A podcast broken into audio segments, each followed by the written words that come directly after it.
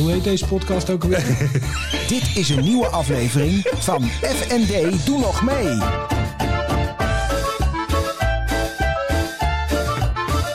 FND, doe nog mee. Ik wil de jingle. De jingle is al geweest. De jingle is al geweest, die heb je nog niet. Aflevering 14 is dit. Ja, volgens mij eh, waren we de tel een beetje kwijt. Nee, maar het is 14. 14, Ja, dat heb ik in mijn administratie bijgewerkt. Keurig. En de eerste persoon die wij hoorden in deze nieuwe aflevering is ook onze gast. Ja, want? Arthur de Ree. Ja, AC de Neré. Ja. Oké, olé olé. Arthur, Allee, welkom. Hij zit er heel, heel welkom bij ook, hè, met Ja. een gesloten houding. Ja, ik wil net Zo van zeggen. nou jongens, hè? Dat is het eerste wat we leren. Ja. Armen over elkaar, meneer. Had, eh, Voel je je wel een beetje welkom, of niet? Nou, ik heb heerlijke Chinees gegeten, dus eh, ja, kijk. het begon goed in ieder geval. Ja, dat, dan ben je al tevreden. Dan ben ik snel tevreden. Dus eh, kan ik weer aan of eh Van mij mag het. ik de reden kwam? Ja, de Chinees. Ik hoorde dat de Chinees goed was. Ja. Maar in principe kun je die ook zelf bestellen. Ja, Kwam, eh, het komt bij mij thuis niet zo snel in. nee. Nee? Eh, wie, wie, wie bepaalt dat dan? Wie denk je? Nou, jij niet in ieder geval. Nou, oké, ja, sorry voor iemand die een echtscheiding heeft gelegen. Maar bij mij eh, is dat eh, wel nog mijn wederhelft. eh Ja, Ja. ja. Niks aan te doen. nog wel, zei hij. hè? Nog wel, Ja, hoorde je? Alle mogelijkheden open. Ja, interessante ontwikkeling meteen aan het begin. Eh, Ja, luistert hier ook naar, hè? Nee, dat doet ze goed. Ja. En ze is net 50 geworden. Ja, ja, ja, dan moet je er ook nog niet al te veel aan helpen herinneren. Nee, hij is een oudere vrouw getrouwd. Wie zou die zeggen? Want dit is een jonger bloempje. Ja. 49? 48. 48. Ja, Precies een jaar jonger dan eh, de heer eh, ja, ja. En eh horeca-ondernemer ja. Zeker. of gewoon ondernemer? Nee, ondernemer. Dat is een discussie hebben we al vaker gehad. Ik ben uit in de horeca begonnen om... eh, Of discussie, dit gesprek hebben we al iets eerder gehad. Ehm, ik ben begonnen als, eh, in de horeca, maar meer eh, als, ehm, eh, als ondernemer dan als horeca-ondernemer, denk ik. En wat, wat is het verschil dan? Je kan alles ondernemen. Ik, nou, ik weet ik niet, maar als ondernemer kun je alles ondernemen. En ik denk wel dat horeca me wel ligt. En dat we daarna ook wel een aantal participaties waar ik ook in zit als ondernemer wel horeca gerelateerd zijn. Ik heb ook een bedrijf waar bijvoorbeeld kassa's systemen hebben ontwikkeld voor sportverenigingen. Ja, indirect heeft dat natuurlijk met de horeca-exploitatie Ja. van een sportvereniging te maken. Dus eh, En wat maakt iemand een ondernemer? Ja, dat is een goeie. Ik Dank je. zei... eh, ja, dat doe je goed. Op zich, ja, nee, gaan ze door. Het is niet de reden dat Daan altijd van die goede vragen stelt als ik hier zit. Eh, over het algemeen ben ik ook niet enthousiast over hoe jij eh Hoor je dat? interviews leidt. jammer. Ik- ik groei werkelijk opeens. waar. Ja. Ja, maar ik had het ook even nodig. Waarom, waarom Ik hebben deze gozer überhaupt uitgegooid? Hij vond drie schap moest hebben. Ja, hij, hij heeft zichzelf uitgenodigd. Uitgenodigd. Ik Het kan alleen maar beter worden, dus dan kan ik beter op tafel, aan tafel gaan zitten. Dat soort dingen. Maar goed, wat maakt een Een ondernemer... Waldorf en Stretler aan elkaar, daar met elkaar op zitten, dan eh, kan er wel wat eh, tussen gaan zitten. lekker ding. Ehm, was er wel bij. Ja. Ja, ja, ook lekker makker. Ik, ben, ik maak me niet los, hè. Ik, krijg, ik krijg nog een constructieve vraag van je. Ehm, wat maak je ondernemen? Ik denk niet dat het erfelijk, eh, ik denk niet dat het erfelijk belast is. Althans, dat geloof, ik geloof niet zo heel erg. Ik denk wel dat je op kan groeien in een gezin... waardoor je misschien wat ondernemender bent ingesteld. Maar echt ondernemer zijn, dat zit er toch meer in je. En wat En- is dat dan? Ja, ik denk dat... Maar goed, dat is meer mijn ondernemerschap.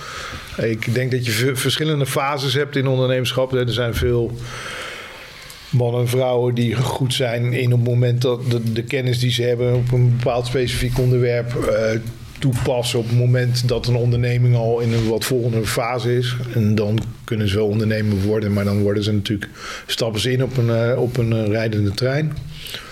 En van mm, niets iets maken, dat, eh, dat zijn er voor mij ook misschien wel gelukkig niet zo heel veel. eh, die dat, dat doen. Dus gewoon met een idee een plan maken en dat plan uitvoeren. En het in die hoek zit jij vooral. Ja, want meestal de tijdsbestek, dat is geen wijsheid van mij. Maar er is altijd gezegd dat je vijf jaar eh, moet bezig zijn, wil een bedrijf enigszins staan. Nou, ik had dat gehoopt dat het sneller kon, omdat mijn ambities wat hoger lagen. Maar het blijkt inderdaad in praktijk ongeveer echt wel te kloppen. En ik merk dan aan mezelf ook dat ik na vijf jaar er ook wel weer... eh, Ben je erop uitgekeken? ja, uitgekeken is een groot woord, maar dan, dan weet ik dat mijn krachten daar ook niet meer liggen. Dus dan begint een bedrijf vormen te krijgen die ja, wat hiërarchischer zijn, waar je mensen in verschillende vakgebieden neerzet. Die heel wat meer gespecialiseerd zijn. Eh, normaal bedrijven, marketingafdeling, salesafdeling. Zeg maar bedrijf, bedrijf, zoals we dat klassiek kennen. Ja, ja, en ik denk dat ik een beetje ben begonnen met het neer te zetten van de bedrijven. En op het moment dat het deze structuur ging krijgen, ben ik, ben ik, li- droeg ik het stokje over. En nu ben ik meer ondernemer die daar naar dat punt wel toe werkt. En dan vervolgens ook de mensen, maar dat komt ook wel omdat mijn netwerk daar nu eh, zich verleent. Ga plaatsen op plekken waarvan Ja. ik denk, nou nu kun je daarmee door. Ja. En, maar dan laat ik het ook weer los. Dus als ik iemand aantrek om sales te gaan regelen, Dan moet hij dat ook dan hij dat ook gaan doen. En dan ga ik dan niet. eh, daar zijn zeker, dat zie je in familiebedrijven vaak met papa op zoon. Dan loopt papa toch nog tien jaar door het bedrijf heen. Het grote nadeel daarvan is dat heel het bedrijf natuurlijk knikkert voor en kikkert voor, eh, De oude voor, oude baas. En als de baas zegt, eh, we gaan dus linksaf. En daar hebben ze al 30 jaar naar geluisterd. Dan wordt het heel ingewikkeld als zoon zegt, we gaan rechtsaf. Maar dat geldt natuurlijk ook een beetje voor mij. Dat als je vijf, zes jaar een bedrijf aan het opbouwen bent. En iedereen ziet jou als, eh, als de oprichter. En oftewel de, de aandrijvende kracht. En je gaat dan vervolgens je toch nog steeds bezighouden met het vakgebied waar je eigenlijk niet... waarvan je weet dat je niet heel erg thuis in bent, dan, dan gaan mensen toch daar deels ook naar luisteren. En dan wordt het een, een rotzooitje, denk ik. Wat, wat, wat, eh, eh, waarom vind je het zo leuk om een bedrijf op te zetten? Waarom vind je juist die eerste vijf jaar zo fijn en mooi om mee te werken? Ja, dat bouwen, dat, dat, dat, dat vind ik gewoon mooi om te doen. Ja, maar het is ontzettend onzeker. Je weet niet of het lukt. Eh, je hebt allemaal gezeik aan je kop. Je hebt te maken met regels. Het is allemaal gedoe. Het is wel, het is wel de meeste, me- mo- moment wel met de meeste vrijheid. Hè? De meeste Ja, maar dat is ook bewegingsvrijheid. Jawel, maar goed, als je dit... on- on- eh, ik bedoel, als je het je een beetje kent, dan... eh, dan Ja, maar onze luisteraars kennen hem. Nee, nee, weet ik. Maar goed, dat is... Dat, is, Dat gaan ze nu dus dat horen gaan, ze, dat gaan ze horen. Maar de, de, de, de bewegingsvrijheid daarin Is dat het? is, is wel prettig. En dat je alles maakbaar is, zeg maar. Eh, Nee, ik denk vrijheid inderdaad wel. Maar goed, eh, daar, dat- dat is niet de reden om het te doen, zeg maar. Wat is dan de reden? Nou, om, wat ik zeg, dus om iets te bouwen, van eh, niets, van, van Maar niets waarom iets is dat maken. fijn? Nou het is toch mooi om te zien dat iets wat, wat je in je hoofd hebt zitten, wat in, in theorie zou moeten werken, althans als je erover nadenkt, vervolgens in een plan wordt gegoten en dat- dat plan ga je uitwerken en dat blijkt dan uiteindelijk ook te Je werken. bent eigenlijk een soort kunstenaar. Je hebt iets in je hoofd en uiteindelijk creëer je wat je in je hoofd hebt. Nou ja, dat is misschien iets te complimenteus, maar ik denk wel dat het, Nou ja. eh, dat, dat het daarop neerkomt. Je mag een keer een compliment in. nou, nou, maar eh, je, je- je vindt het een artistiek wezen, zo zeg maar. Nou, jawel, ja. Schilderen met geld. Ja, het is schilderen, was. het, is, het is schilderen met ideeën. Het is schilderen met geld, dat is, dat is een gevolg. Of dat, dan moet je ervoor zorgen dat je dat hebt om dat te kunnen doen. Nee, het wezenlijk onderdeel inderdaad van het creëren van de verf op het doek is... de verf zal dan misschien een deel van het middel, oftewel geld zijn... maar dat, eh, dat is niet vanzelfsprekend, zeg maar. Dat maakt het eh, inderdaad wel ingewikkeld. Het is wel Nou ja, daardoor lijkt het me ook heel spannend. Omdat je, je stopt tijd en moeite ergens in. En je weet eigenlijk...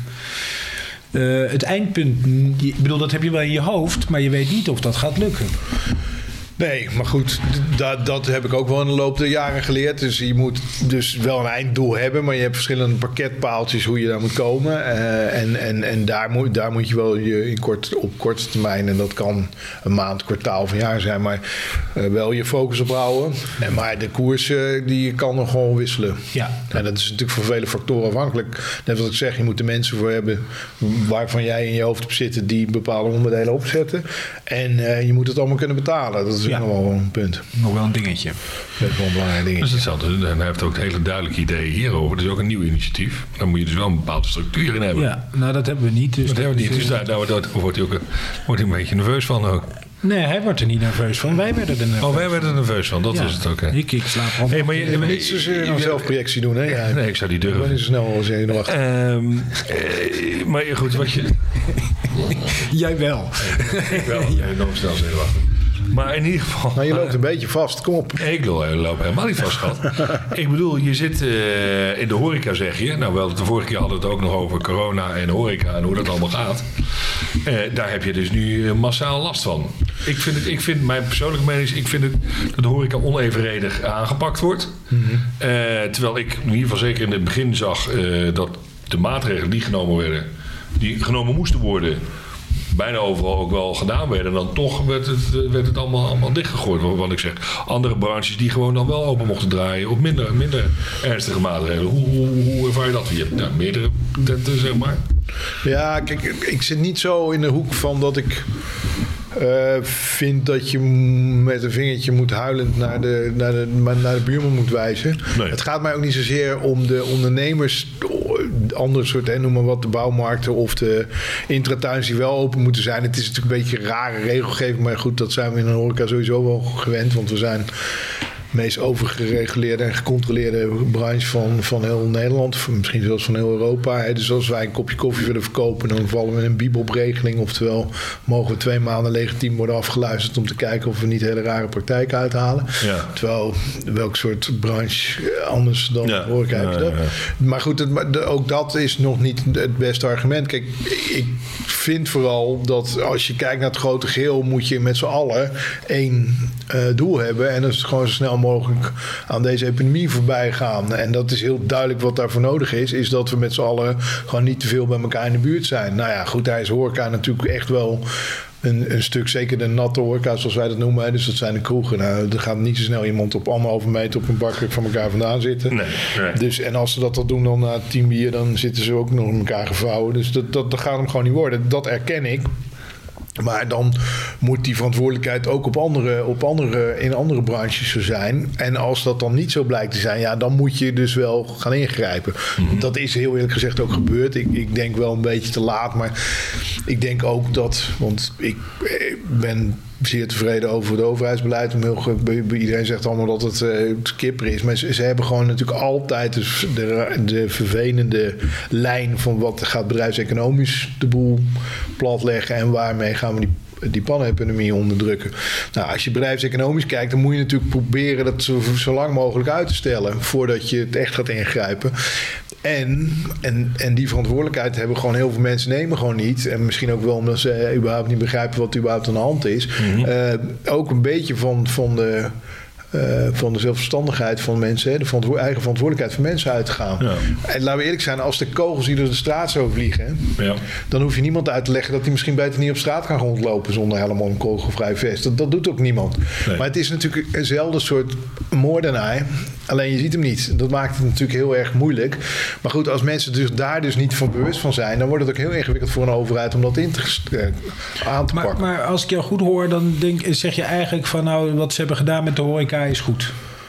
Ja, ja, ik, ja, ik snap eh, Daan's vraag ook. En ik snap ook eh, zijn gevoel erbij dat, dat het misschien onevenredig is. En, en op het moment, zeker voor die kerstdagen, toen, toen ik naar de televisie keek en dacht in de Efteling zo over elkaar zijn hoofden heen liepen. En, Black eh, Friday bijvoorbeeld. ja, toen dacht ik ja, maar dan nogmaals, dan ben ik dus niet zozeer eh bozig over. kijk, dat die winkeliers gewoon doorgaan. Laten we eerlijk zijn, als de horeca open was gebleven en ze daar met z'n twintigduizend waren binnenkomen lopen, dan had iedereen dat Ja. gewoon gedaan. Hè? Dan moet je niet eh, doen alsof de horeca heilig is daarin. Nee. Alleen waar wij, in ieder geval ik als horecaondernemer dan zo boos van word, zeg ja, mensen, jullie snappen dus niet waar het om gaat.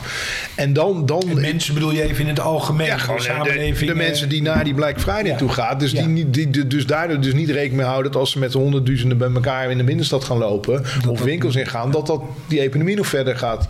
Eh, en, en dat dat nog veel ver- verdere gevolgen heeft. En dat is nu ook wat er gebeurt. En dan kijk maar naar de eerste lockdown, was half maart en 1 juni waren we weer open. Nou ja, we zitten nu half oktober. Half januari gaan we niet redden. Nee. Dus dan zijn we, nou, ik denk echt steeds meer vooral omdat het nu natuurlijk ook nog een keer een andere variant komt. Ik denk 1 maart mogen we in onze handjes knijpen. Ja. Maar goed, het bewustzijn dus van mensen wat ze dus veroorzaken, is door wel constant met elkaar in, in, eh, in aanraking te komen en eh, op, op heel veel verschillende mensen in aanraking te komen, maakt dat het natuurlijk, eh, ja, dat maakt het, vind ik, eh, pijnlijk. Ja. Want daardoor krijg, geef, geef je heel erg de indruk, eh, dat zei ik ook wel eens vaak, maar nou, Daan, eh, nogmaals, die legt net de- vinger er wel op. Maar ik word gelukkig heel veel en heel aardig, ook zeker in de eerste lockdown, heel veel mensen gebeld van.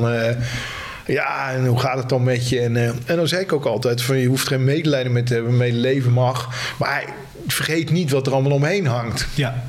En dus kijk naar een evenementenbranche. Een paar goede vriendjes van ons die, die hebben eh, een aantal festivals organiseren. Die liggen gewoon al een jaar plat. En de kans dat ze komend jaar iets kunnen organiseren is nagenoeg nul. Waarom? Omdat de verzekeringsmaatschappij het niet meer willen verzekeren. Dus er zitten allerlei. Hè, er zijn veel schijnende gevallen. Maar dat neemt niet weg dat ook zij vinden dat het enige wat werkt is als we met z'n allen gaan zeggen: laten we nou eerst zorgen dat we hier overheen stappen. En dan moeten we dan ook met z'n allen doen. Als dan natuurlijk de helft van de maatschappij gewoon zelf zegt: nou, die Black Friday, fuck het maar. We gaan toch lekker winkelen. Ja, dan moet de overheid gewoon zeggen. Onder, maar dat is natuurlijk geen leuke beslissing. Kijk, als je naar Spanje kijkt, mijn zusje is uit Spanje letterlijk gevlucht. Omdat daar pakten ze het zeker in de eerste lockdown veel strenger aan. Dan mocht je gewoon niet verder dan 50 meter van je huis Ja, je vertelde nog een mooi verhaal over die honden. Ja, dus, dus nu alle asielen zijn in Spanje leeggehaald omdat iedereen een hond wil. Want dat is de enige reden dat je verder van je huis mag komen dan 50 meter.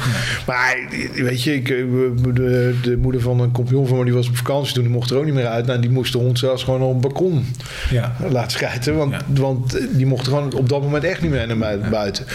En dat is weer in ons land allemaal ge- gerelateerd aan van ja, we, we kunnen niet een avondklok indienen, want ja, dan komen die oorlogsgevoelens allemaal omhoog.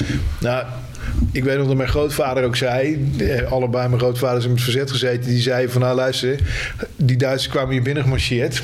En, eh, en vervolgens keek eh, iedere gemiddelde Nederlander keek om zich heen en denk oeps. En daarna gingen ze echt allemaal gewoon door met Ja, hetzelfde- over tot de orde van de dag. ja, en pas op het moment dat ze erachter kwamen dat, dat er toch wel wat vervelende dingen ge- gebeurden met mensen die werden afgevoerd. En zo toen er wat verzet te komen. En toen begonnen die Duitsers ook wat vervelend tegen ons te doen. Maar onze economie heeft voor een heel groot gedeelte tijdens de hele bezetting gewoon normaal doorgedraaid. En wat, wat vooral mijn grootouders ook, vaders ook wel heel erg irriteerde, is dan net na de oorlog, toen was in één keer had Iedereen- iedereen in het ja. fucking verzet gezeten en was zo de held geweest. Terwijl de gemiddelde bakker, wat hem ook niet kwalijk te nemen was, gewoon wat lekker door was gegaan met broodbakken. En dat ook aan de Duitsers had verkocht. De, de, de, de, de, wij, wij kunnen hierover praten. Jij bent ook nog niet eh, failliet gegaan, omdat de overheid natuurlijk wel ook de portemonnee heeft getrokken. Hoe, hoe gaat dat eigenlijk? Dat vroeg ik me gewoon af. Hoe werkt dat? Krijg je dan een briefje van eh, de minister van eh, beste Arthur, hier, hier is de cheque? Ja. maar het is wel een lening, geloof ik toch? Nee, nee, het wordt gerelateerd aan, eh, aan inderdaad je omzetverlies. Maar ze hebben het wel, dat is wel effectief. Hè. Kijk, nou, normaal zijn... En dat, dat, Maar je gaat naar een website toe of zo. Ja, je gaat gewoon naar RVO, of, eh, hè, dus Rijksdienst van uh, Ondernemen Nederland. Of naar het UWV, afhankelijk van waar je steun voor aanvraagt. Dus als je voor loonsommen, dus voor je loonkosten aanvragen doet... dan ga je naar het UWV of naar de Belastingdienst. Waarom? Want die hebben natuurlijk direct inzage in wat jij eh, de afgelopen tijden aan loonbelastingaangiftes hebt gedaan. En dat kan je dan eigenlijk weer direct relateren aan hetgene wat je loonsom was. Nou, en daar word je voor gecompenseerd. En dat betalen ze dan zeg maar nu cash 80% van je loonkosten op uit of 70, afhankelijk een beetje wat je zelf aangeeft dat je verwacht aan verliezen te hebben.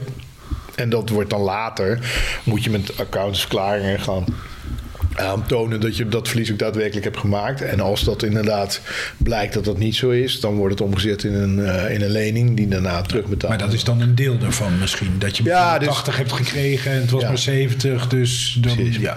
Oké, maar als je wel het verlies gedraaid hebt wat je zegt, dan... Oké, alsjeblieft. En, Ja, en zelfs want je, krijgt, je hebt 70 tot 80 procent uitbetaald gekregen. Dus als je zelfs nog je verlies nog groter was, dan krijg je dus ook nog 20 procent. En dus in ons geval, nou ja, bijvoorbeeld in de zomer, de tenten waar de zomer open konden, ehm, eh, hebben we natuurlijk een dik deel terug. Maar wij hebben ook van één of twee regelingen gebruik gemaakt, omdat we wisten van ja, dan gaan, moeten we allemaal terugbetalen. Dus dat is onzin. Ehm, maar dan kijk naar kookmeesters, de kookstudio van, van, van ons in Utrecht. Ja, weet je, die, die ligt sowieso altijd. Gewoon op nul. Het ligt gewoon op nul en dat kun je gewoon aantonen. En we hebben er echt best wel veel voor gedaan. Ja, dat blijft dan gewoon door. Moet je ook aantonen dat je je best hebt gedaan om er toch nog wat van te maken? Ja, in sommige gevallen wel. Ehm, maar ja, kijk, als je gewoon dicht bent, Nee, ja, nee, maar, maar- dan wordt het heel lastig. En, en iedereen begrijpt ook wel, langzaam zeker, dat de kostenstructuur van de horeca natuurlijk dusdanig in elkaar zit dat je niet eh, met thuisbezorg... Kijk, we zijn geen thuisbezorgbedrijf. Een thuisbezorgbedrijf houdt in dat je drie ovens hebt, dat je een maaltijdjes warm maakt en dat je twee gasten op scooter zet en wegbrengt. Ja. Niet dat je tien koks in de keuken hebt staan en tien in de bediening. Nee. Ja, dus die koststructuur, daar, daar kun je op tijd vooral... naar je, naar je, hebben wij met kerst heel erg met slangenvechten in Wilhelminapark gedaan. Ja, dan hou je dat contact met je gasten en dan laat je zien dat je... Hè, maar kwijt, je, je moet zelfs uitkijken dat je niet over een bepaalde omzetgrens heen gaat. Want dan moet je dus meer terugbetalen dan dat je Ja. verdiend hebt, zeg maar. Ja. En dat is niet omdat ik... Ik bedoel, ik waardeer juist ook altijd de mensen die op van de banken stappen... en soms minder gaan verdienen dan dat ze verdienen op het moment dat ze bij het UWV blijven en gewoon op die bank blijven zitten, omdat ze gewoon simpelweg vinden dat ze wat moeten doen. Ehm, en dat is in dit geval, zo kijken wij er ook wel een beetje tegenaan, maar da- daar zit wel een grens in. Ja. Hè, want kijk, ja, mensen zijn nu ook wel een beetje. Nou, ik hoorde jou het net ook zeggen, weet je, dat waarderen we ook heel erg. Hè? Dus heel veel mensen proberen ook een beetje mee te werken en te denken. Dus die bestellen ook dingen bij. eh, Ja, zoals bij de koekfabriek, eh, dat ik Ja. koekjes heb besteld. Omdat Nou ja. ik dacht van, huppakee. Ja, maar en dat waarderen wij ook ontzettend. Maar eh, een ASR die, die, die, die dicht is, die bestelt tienvoudige per, per week. Ja. Dus dus, dus het, het, eh, het, is, het is niet minder gewaardeerd, maar het, is, het zet geen zoden aan de dijk, zeg maar. Nee, het is ook meer, ik realiseer me dat het meer een symbolisch eh, signaal is. Ja. Maar ik kan me wel voorstellen dat het wel een prettig signaal is om te krijgen. Niet zozeer van mij, als wel dat je merkt dat sommige mensen dat doen. Dat ze zeggen van, hé, we, we willen graag, wij steunen jullie ook eh, in slechte tijden, zou ik maar zeggen. Nee, ja, maar dat heeft de Rijksoverheid. Ik, wij, wij hebben, zoals je weet, een podcast gedaan voor de koekfabriek ook. En daarin is een van de, de eerste dingen die ik riep. En dat was nog voor de coronatijd van... In het zaken doen is er geen onbetrouwbare partner dan de overheid. Omdat je natuurlijk altijd heel erg afhankelijk bent. De overheid beslist natuurlijk op andere redenen dan vaak op bedrijfseconomische. Dus ik was natuurlijk ook daarin best wel huiverig. Van ja, kijk, ik moet dicht. Nou ja, dat is gewoon hetzelfde als eh, de Duitsers binnen marcheren. Ja, dan moet je geweer pakken en vechten. Ja. Dus het is niet anders. Maar je hoopt wel dat ze zich houden aan de regeling. En dan hebben we de mazzel dat we in een nogal rijk land wonen. Dus de kans dat ze het zou gaan doen. Maar ook de effectiviteit hoe ze het hebben gedaan. En dat zit hem dus ook in het omdraaien. Dus vraag Wij gaan eigenlijk blind vanuit dat hetgene wat je zegt klopt. En als het niet blijkt kloppen, ja, dan ben je uiteindelijk te kloppen. Maar goed, dat is dan terecht. Ja, dat, is ook terecht. Maar het is natuurlijk altijd heel moeilijk voor overheden om geld terug te halen van hetgeen wat ze al hebben gegeven. Daarom zijn die controleorganen tegenwoordig ook allemaal zoveel strenger. Het stomme is dat als jij, noem maar wat, eh, kinderbijslag vraagt eh, als alleenstaande moeder, dan de controle die erop los wordt gelaten, die, die, die- daar zou je dus bijna die uitkering voor twee jaar kunnen doen zonder de controle Ja. te doen. Hè? Maar goed, zo zit ons systeem nou helemaal in elkaar. Daar was Maar daar zijn ze nu volledig van afgestapt. ja, in dit geval zijn ze er wel goed van afgestapt. En ik, ik denk ook wel, maar goed, dat is ook een beetje omdat... eh, nou, kijk naar de Booking.com van deze wereld... die ze natuurlijk echt wel aan de hoogste paal hebben genageld. En daar denk ik ook echt wel van dat er een overheid... eh, er achter de schermen heeft zitten fluisteren van... nou, deze mogen we wel eens aan buiten... omdat we publiekelijk dat ook wel moeten vinden. Want waarom maak je in godsnaam, weet je... als je net een miljoen aan dividenden hebt uitgekeerd... dat je- dan had je die gewoon in, in, in kas moeten halen. Ja. Ja. Dan kun je dit soort dingen wel... eh, Ja, dat is wel vrij gênant. Nou. was ook gênant. Maar goed, daardoor gaan dus dat soort partijen. Er is natuurlijk iemand binnen Booking.com die dat aan heeft gevraagd in al zijn braafheid. En die, die, die, is, die heeft denk ik geen baan meer. Nee. Eh, en, maar die directie is natuurlijk zes maanden bezig geweest om, om, om mijn naam weer goed te krijgen. Dus wat dat aan schade heeft opgeleverd, dat is het 50-voudige van hetgene wat ze aan 4000 euro hebben opgehaald. ze, hadden ze gewoon nooit moeten Dat doen. hadden ze gewoon niet moeten doen. Dus, maar het, het gelukkige is dat de, de publieke opinie dus ook wel zo is. Van ja, weet je, je moet er wel normaal mee omgaan. En dit is natuurlijk heel erg uitgehaald. Nee, want er zullen vastgoedbazen zijn die helemaal geen cent. Weet je, iedereen die gewoon zijn huur is blijven betalen. Dan hebben die vastgoedmannetjes hebben er helemaal geen last van gehad. Laat eerlijk zijn, ze zelfs zo de overheid met de vastgoed, eh, dus met de bank afgesproken dat ze voorlopig geen rente en aflossing hoeven te betalen. Dus die Maar op- hebben eigenlijk extra geld binnengeharkt. Niks nou ja, die hebben in maar ieder geval een behoorlijke reserve kunnen opbouwen. En dat, dat hoor je nu natuurlijk ook om je heen. Van ja, die gaan nu natuurlijk profiteren van dat heel veel mensen het niet, Ja. die reserves niet hebben gehad. En Maar je dat is natuurlijk wel een beetje krom. Ja, maar als ik je zo hoor, dan ben je eigenlijk dus... je hebt begrip voor de maatregelen die er genomen zijn. En, en, en de manier waarop het opgelost is, hè, die steun die, eh, die, die vrij snel op gang is gekomen... en de manier waarop, daar ben je ook niet heel negatief over. Dus Nee, maar ik denk ook... eh, Dus je hebt er eigenlijk helemaal geen last van. dat is een andere van dingen. Maar ik op denk... welke manier heb je er dan last van? ja, ja. Nou, het is natuurlijk wel een hele rare soort tijd. En, en eh, vooral de onzekerheid. Kijk, het is natuurlijk voor een ondernemer, dat bedoelde ik meer te zeggen met eh, je wil niet afhankelijk zijn eh, in zaken doen van de overheid. Het is gewoon een flunten de model als je vanuit de andere kant kijkt. Nou, dat is nu ook. Ik ben gewoon afhankelijk van gemeenschapsgeld. Nou, eh, als ik ergens voor heb gekozen in mijn hele ondernemerschap, en dat Was is dat misschien- juist niet? Ja, dat is de Ja, ik kan me vrijheid. daar nog een paar sessies van herinneren inderdaad. Daarom. Dus, dus ik heb, eh, daar, daar heb ik een gruwelijke, eh, gruwelijke hekel aan. Maar dat komt mede met die onzekerheid. Ja. En dan, dan word je dus, dat is meer de narigheid. Dat is ook een beetje als mensen mij weer uit medelijden, medeleven bellen van hey, hoe gaat het allemaal? Als je, ja, bij mij gaat prima. Als nou iedereen gewoon zorgt dat hij zich een beetje houdt aan hetgene wat we met z'n allen hebben afgesproken.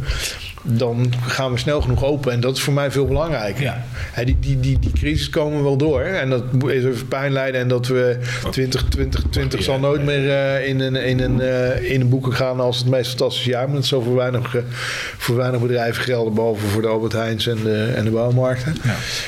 Maar ehm, dat is niet zo erg als we maar blijven eh, zwemmen. Maar, Je zei je, hebt ook geen personeel voor ontslaan. Nee. Nee, je alles wel aan boord. maar, maar, maar je zei, eh, jij zei net eh, dat je er zenuwachtig van wordt, van die onzekerheid. Nou ja, zenuwachtig. Ik word niet, ik word een, daar- dat is een minder leuk deel. Je kan niet gaan plannen. Je kan, je Nee, kan- dat snap ik. niet- Maar ik, ik, we hadden het helemaal aan het begin over ondernemerschap. Ook onzekerheid. Dat je daar... Hè, of, of, Ja, eh, voor span- mij heb ik niet gezegd dat ik er zenuwachtig van werd. Ik vind Nee, zeg nee. vooral de onzekerheid, dat maakt het vervelend. Ja. Want je, kijk, alle, als ondernemer Maar je in het 20... ondernemen zit toch altijd onzekerheid? Ja, dat klopt. Maar, Ja, maar de, de- afhankelijkheid. Precies. Hij kan, hij kan helemaal prima zelf praten. Ja, dat weet ik wel. Maar je, Oude dit- dit- woordvoerder. Dit, dit, wordt- wordt, dit wordt een eindeloze heen en weer. Oké, sorry. Nee, helemaal Stel- jij dan eens een goede vraag. Nee, helemaal niet. Jongen, jongen. Rustig blijven, dames. Ehm, dit is de- op zich de onzekerheid. Normaal gesproken kun je natuurlijk elk probleem of elke uitdaging is een oplossing voor. En dan heb je een eigen hand. Weet je of je naar links of rechts omheen Dat is gaat? nu niet zo. Nee, want ja, als je ik dicht moet zijn, dan ben je dicht. Ja. Dat, dat, daar kun daar kun je niks Wanneer tegen gaat het weer open? Gok je? Nou, ik gok zeker met de... de kijk, ja, moet de kerstdip voor mij nog wat verder door. Die gaat zijpelt nog wel door. Want eh, ja, laten we eerlijk zijn. Ik denk dat er weinig mensen om ons heen eh, zich in die periode eraan aan de regels hebben gehouden. Wat, wat ik overigens wel begrijpelijk vind. Ehm, en ja, dat moet natuurlijk heel erg afwachten wat er nu met die Zuid-Afrikaanse en Engelse versies gebeuren. Want dat kan ook zomaar weer een nieuwe epidemie. En dat zou wel vervelend worden. Want ik denk dat daar de overheid op een gegeven moment wel van realiseert van dit kunnen we niet meer betalen. Dus nu moet toch wel een beetje de rem erop. Ja, goed, en we beginnen met vaccineren. Er is echt de, er is een Ja. stap gezet omdat we hier kunnen recoveren. Nou, is ik weet niet of dat de holy grail is, maar dat is het uiteindelijk wel, denk ik. Maar ja, dat geeft. Kijk, wa- wat je eh, ook in maart heel erg zag. En ook eigenlijk wel nadat we eerst open gingen. Is dat er natuurlijk ook wel een heel deel. Kijk, er is een heel groot schreeuwende, of een klein schreeuwend deel van Nederland die het allemaal niet mee eens is. Ehm, en die niet bang voor is. Maar dan vaak zijn dat natuurlijk ook wel een beetje de leeftijden en de mensen die weten dat de kans dat als ze corona krijgen ze daar heel veel last van hebben, niet heel groot is. En er is toch best wel een stille meerderheid die toch daar wel wat huiver voor is. Dan wel zelf, dan wel voor hun ouders, eh, of mensen om zich heen die, die daar gewoon niet tegen kunnen als daar iets mee gebeurt. Je hebt het zelf ook gehad, toch? Ja, eh, ik heb er zelf weinig last van gehad. Maar goed, je merkt wel dat, eh, dat je dan wel een soort outcast bent in één keer. Dat, dat Ja. vond ik eigenlijk, eh, dat, ik vond het quarantaine echt verschrikkelijk. Dat snap je als je je vrijheid gewend bent waar Daan het net over heeft. Dan is ze opgesloten worden in een kamer. Nou, niet eh, van de grootste, maar dat denk ik geldt voor heel veel mensen, ook voor niet ondernemers. je had ook geen interactie met je familie, niks. Nee, ik, had, ik heb natuurlijk het geluk dat ik een B&B heb in het oosten van het land met allemaal verschillende kamers. Dus heb ik gewoon één kamer ge- gepakt. En daar gewoon opgesloten gezeten. En dat gaat, die kamer is groot genoeg. Dus de badkamer in het eten stond gewoon voor de deur. Dus het, het is allemaal een redelijke luxe vorm van quarantaine. Maar, Maar het, dat- gewoon het feit dat je... het feit, ja. er- sindsdien heb ik weer veel, erg veel respect. Of althans vind ik dat gedoe, ge- geneuzel over dat je, onze criminelen allemaal zo goed worden behandeld. Ik denk dat het allerpijnlijkste is gewoon dat je je vrijheid verliest. Zeg Ja. maar. En ik- goed, ik mocht er natuurlijk wel uit binnen. Ik kon natuurlijk wel een bos in. Maar dat vond ik inderdaad. Ik heb er niet heel veel wat ziektebeeld. Ik ben vijf dagen mijn smaak kwijt geweest. Wat niet heel leuk is, maar ook niet heel erg. En ik heb drie dagen griep, een beetje griep gehad. Hetzelfde als wat je normaal hebt als je griep hebt. Ik heb van normale griep ook niet zo last. Niet heel erg ziek. Nee, dus dan heb je 's ochtends voel je sterk en dan s'avonds begin je wat. eh. Maar goed, eh, dus dat, dat vind ik. eh, maar dus die, die, die grotere meerderheid van mensen die dus wel terecht bang moeten zijn. Eh, voor, eh, voor, dit, eh, voor deze corona. Kijk, die, die hebben ook een bepaalde angst in zich. Maar die schreeuwen dat natuurlijk niet van het daken. Want angst hebben is nou niet een van de meest stoere dingen om te roepen. En dus die doen dat vrij stilletjes. Maar ja, die mensen, kijk naar een deel van mijn handel. En je moet niet vergeten dat bijna de helft van ons land is boven de 60. Dus bijna de helft van ons land behoort theoretisch tot, de tot, de tot de risicogroep. Ja, die, ja, dus die komen, die komen Ja, gewoon zijn niet. vrij grijs hoor. Ja. Jij bent het ook grijs. maar- Klopt.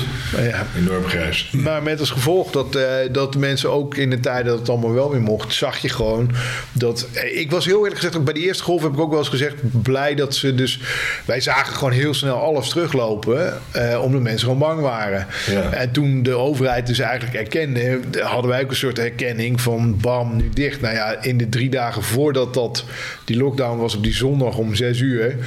Toen we op donderdag begonnen wij nog met een volle agenda reserveringen op zondag. En toen het dicht ging, stond er nog één in. Ja. Maar de, de, de vraag was Mensen eigenlijk... trokken zich sneller ook terug. Ja. Ja. De vraag was eigenlijk, wanneer denk je dat het weer open gaat? En ik, ik verwacht. Nou, als we mazzel hebben al februari. Ik denk dat ze het nog wel over die, die windsport eh, ook heen tillen. Omdat ze anders weer bang zijn dat ze dan natuurlijk allemaal eh, gek gaan doen. En voor mezelf hoop ik gewoon 1 maart. Kijk, januari, februari zijn van oudsher voor ons wel een beetje slechtere maanden. Het zuiden. Maart zou fijn zijn, ook gewoon qua omzet. En, Ja, op een gegeven moment moet je wel weer gaan draaien. Maar ook gewoon omdat ik wel. Kijk, de, eerste keer was je. De eerste, omdat ik nog eens met 20 jaar gehoord. Ik heb staan nog nooit meegemaakt dat iemand anders tegen me ging vertellen dat ik iets niet meer mocht. Dus toen ben je echt. Jezus, en wat nu? En dan komt er zoveel op je dak. En zoveel wat was blijven liggen waar je dan bewust van wordt dat er is, was genoeg werk. Ehm, maar eh, die tweede, ja, maar nu merk ik een beetje van dat ik wel echt naar een punt aan toe werken ben van jongens, oké, je weet dat het gevaccineerd gaat worden. We weten dat het allemaal echt wel weer een beetje normaal gaat worden. Dus laten we nu maar aan de gang gaan, want Ja. eh, dat, dat is hetgene waarvoor ik afgelopen half jaar stil heb en, je- bereidt je ook voor daarop? Op, op een soort eh, grande opening van dat het allemaal weer mag? Ja, we hebben wel heel veel dingen heel erg geëffectueerd. En ehm, denk ik. En, en, en, en zeker ook daarom hebben we ook geen personeel ontslagen. Wel iedereen gezegd van luister. Nu, jullie gaan wel. en Wij zien dat natuurlijk in de horeca heel vaak van op juni of eh, van eh, maart, april, mei. Dan langzaam zeker wordt het steeds warmer. Dan wordt het steeds drukker. En dan moeten mensen steeds harder gaan werken. En nu zal het gewoon zijn van het ene moment op het andere gaan ze van versnelling 1 naar versnelling 6. Ja. En daar moet je ze wel een beetje op voorbereiden. Want dat zal wel chaos gaan. Hoe doe je dat dan? Ja, vrij veel mensen praten. Oh ja. En eh, erop dat... eh, En je verwacht dat het dan, dat, want we hadden het er eerder al over, dat er dan een soort sluis open gaat. Dat die, want, want, want Ja, maar goed, ik iedereen denk... zit te wachten totdat het weer zover is. ik Ja, maar wij hadden, het waren het net toch met z'n drieën Ja. ook al met elkaar eens. Ik bedoel, ik zei het net eh, tegen jou eh, eventjes. Ik, zeg, ik, ik heb eh, 14 jaar eh, in een kroeg gedraaid. ehm, eh, waarna ik echt dacht van nou... Nu voorlopig meer. hoef ik, eh, hoef ik hier niet meer aan de bar te zitten. Er niet achter en niet voor te staan. Maar ehm, en heel af en toe vind ik het altijd gezellig. eh, zeker met, met, eh, met jullie als figuren. Maar eh, nu snak ik er ongeveer naar... eh, Ja, als, als opvulling. Op als opvulling. Nee, maar nu snak ik er ongeveer weer naar om eens even ouderwets op een barkruk te gaan zitten en een koud pils voor je te krijgen en gewoon er een keer af te storten. Dat lijkt me wel weer lekker. eh. Ja, ik hoop het van harte. En ik denk niet dat, wij, dat ik de enige ben om heel eerlijk te zijn. Nee, dat, dat is, eh, wij hadden het er volgens mij vorige keer al over. ja, wat ga je doen? Nou, ik zeg, bakjes Ja. met de heren. Ja, Ja, Nee, dat was het eh, eerste wat jij riep, ja. Ja, nee, ja dit, is, dit is toch ook niks. joh. Laten we wel wezen. Ah jongens, ik heb er zo zin Een in. beetje, een beetje, een beetje knallerella. We hebben het nog niet gehad over, ehm, over het doorsnijden van deze podcast. maar dat is een mooie voor eh, aflevering 15. Voor de volgende, eh, de volgende aflevering. je, eh, blijft gewoon tot volgende week even zitten, toch? Ja. Eh, Ja, zeker. niet enthousiast. Hij is, hij is wel gestopt met zijn arm. Ja, nee, nee, hij is eh, is losgekomen iets- inderdaad. Iets, iets, iets Toen hij het had over dat opgesloten zijn in de kamer. Toen, ging toen ging, ging, open. ging hij denken, ja, toen liet hij het allemaal varen. Ja, lekker. Eh, dankjewel Arthur. Ja, Niks suiker. Eh, Daan, ja, eh, Floris. Jij ook bedankt. Ja, jij ook. Het was weer waar genoeg. Het is rustig dit keer. Ik hoef er niet zoveel te zeggen, dus dat scheelt weer. Nee, maar de volgende keer eh, mag jij de klappen. Ga ik even achter je staan, want dan gaat hij commentaar geven. Dus dan eh, Oh ja, dan gaat die commentaar. ga ik achter je brede schouders Heeft hij staan. zijn, eh, zijn, zijn ideeën over wat wel en wat niet. Dat is een goeie. Volgende week weer eh, een Absoluut. nieuwe aflevering. 15 dan. Dankjewel Arthur, Daan. Tot volgende Dank week. Later. Oh nee, we hebben het nog niet. We moesten we niet nog even zeggen de mensjes. Ja, sorry. Ja, ik dacht ik ben er bijna voorbij. Maar ga nee, je gang. nee, nee, nee, nee. Het was me bijna gelukt. Kom. Bijna. Nee, maar met, dames en heren, jongens en meisjes, we zijn nog steeds bezig. Het is ons vorig jaar helaas niet gelukt. Als je dit ziet, graag abonneren of subscriben op dat rode knopje drukken. Kunnen wij ook weer door. Vinden we leuk. En dan eh, wordt het bereik gewoon. Krijgen we ook meer input. Nou, je ziet het. We hebben hier zomaar iemand aan tafel. Gaan we die ook zijn input gaat geven. elkaar doen. Hij gaat het weer over elkaar doen. En dan Zodra eh, Daan jullie daar praat. eventueel ook, ook mee aan de gang. Graag doen. Tot volgende keer.